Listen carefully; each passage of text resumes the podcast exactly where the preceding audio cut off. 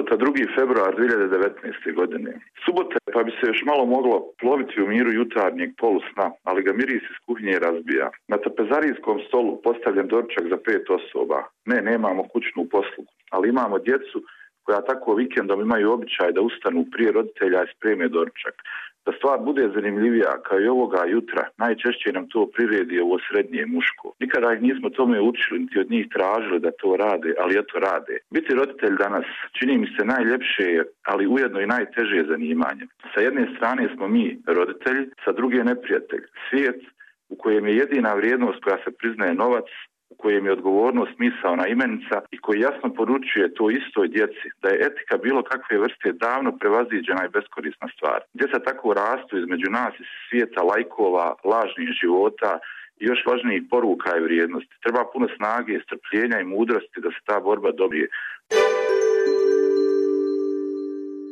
Nedelja 3. februar 2019. Što bi rekao Momčilo Bajagić, ne vjerujem, gledam ustajem iz kreveta. Na televiziji kataklizmična scena mosta na Eliži, čiji se srednji dio srušio u nabujalu željeznicu. Tata, tata vidi most se srušio, uzbuđeno viču djeca sa izrazom na licu kao da gledaju nekakav vrhunski filmski spektakl. Je ovo kod nas, pitaju. Pravim se da ne čujem pitanje. U narednom prilogu obršeni dio ceste od čiju se kao nožem sa sječenu lijevu traku odbija nabujala blatna vodena pjena, dok se saobraćaj dalje odvija preostalom trakom koja odolijeva naletima bujice. Usporava se vožnje na tom dijelu, ali ne iz opreza, već da bi su vozači, ali i vozači, naravno, slikali scenu. Lajkovi su zagarantovani. Zatim prikazuju klizišta, groteksne slike nakrivljenih i poluzagrnutih kuća, poplavljenih naselja i imanja između kojih se vuku lica ljudi blijeda od nespavanja, iscrpljenosti i nemoći. Gledajući sve, ne može čovjek da se ne zapita da li je zaista toliko kiše palo pa da voda nosi sve pred sobom ili je možda nešto drugo u pitanju. Da li nam u stvari mostove, ceste, kuće, imanja, brda i planine odnosi neodgovornost, nemar, smeće po koritima rijeka, i bujice lažnih diploma. Jednom riječju, da li nam kompletne živote odnosi majka svih naših poplava, ona epskih razmjera, poplava kriminala i korupcije koja dnevno niz vodu odnese na stotine naših ljudi, ali je možda ipak samo kiša krivac. Ponedjeljak 4. februar 2019. Kada smo već kod krivice, uz jutrošnje vijesti da se voda polako povlači, po medijima se počinju povlačiti saopštenja i priopćenja, čiji je smisao samo jedan, iskoristiti poplave da se političkom protivniku nanese što veća šteta. Tako je vodeća opoziciona partija u kantonu Sarajevo tužila vlast da je prespavala elementarne nepogode, pokazujući tako da je se ne dotiču stvarni problemi građana. Vlada spava još jednom potvrđuje da nije sposobna ni za što osim za demagogiju i praznu priču rečeno je pored ostalog. Sjeti se, to piše ona ista stranka koja ima premijera vlade Federacije Bosne i Hercegovine. Upravo ta vlada je u ovo doba prošle godine ugasila federalni fond za pomoć područjima nastradalima od prirodne nesreće, navodeći tada da je umeđu vremenu prestala potreba za njegovim daljim radom, vodeći računa o racionalizaciji troškova. Optužena vlada kantona Sarajevo nije ostala dužna, te promptno reagovala na pomenute navode, tvrdeći da su bile na terenu čak i kada su bile naleti vjetra. Uz to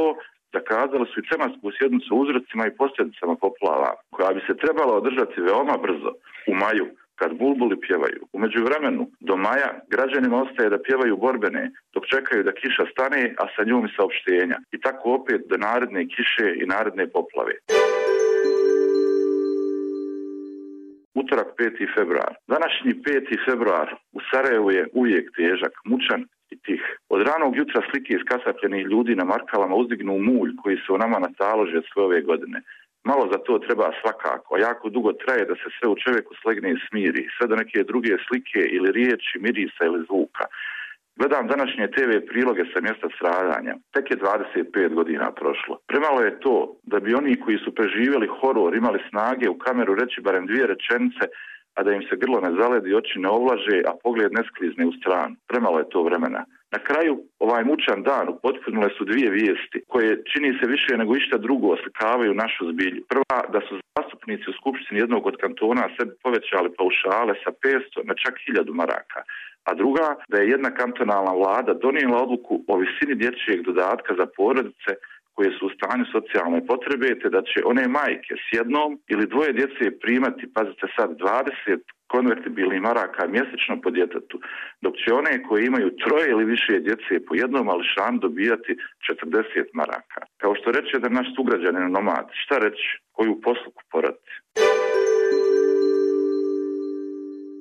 Srijeda 7. februar. Budi me galama djece. 9 i 5. Dobrano sam prespavao kasnim na posao. Vrijeme je dalje tmurno i hladno, ali vijest koju čujem na radiju dok vozim nosi zraku svjetlosti i to iz zemlje gdje vječno sunce sja. Republika Sjeverna Makedonija danas potpisuje protokol o pristupanju Sjevernoatlantskom savezu. Veliki je to dan za makedonski narod. Koliko je veliki i bitan i za Bosnu i Hercegovinu, tek će vrijeme i događaj koji su ispred nas to pokazati. Prije svega, ovo je još jedan težak udarac svima koji u nedostatku kapaciteta za bilo šta drugo predskazuju razne vrste globalnih raspada, počevši od raspada Europske unije pa do NATO-a. Težak je to udarac i protivnicima integracijskih procesa u regionu ali po najviše koruptivno-kriminalnim elitama oko kojih se polako, ali sigurno steže obruč. Jer drugo ime za NATO integracije je upravo ono što oni ne žele čuti vladavina prava. I u to stane sva filozofija kada je kočenje NATO integracija u pitanju. Sve drugo su priče za malu djecu. No, nakon Republike Sjeverne Makedonije fokus alijanse je na nama, te neka niko nema trun sumnje da ćemo i mi tim putem,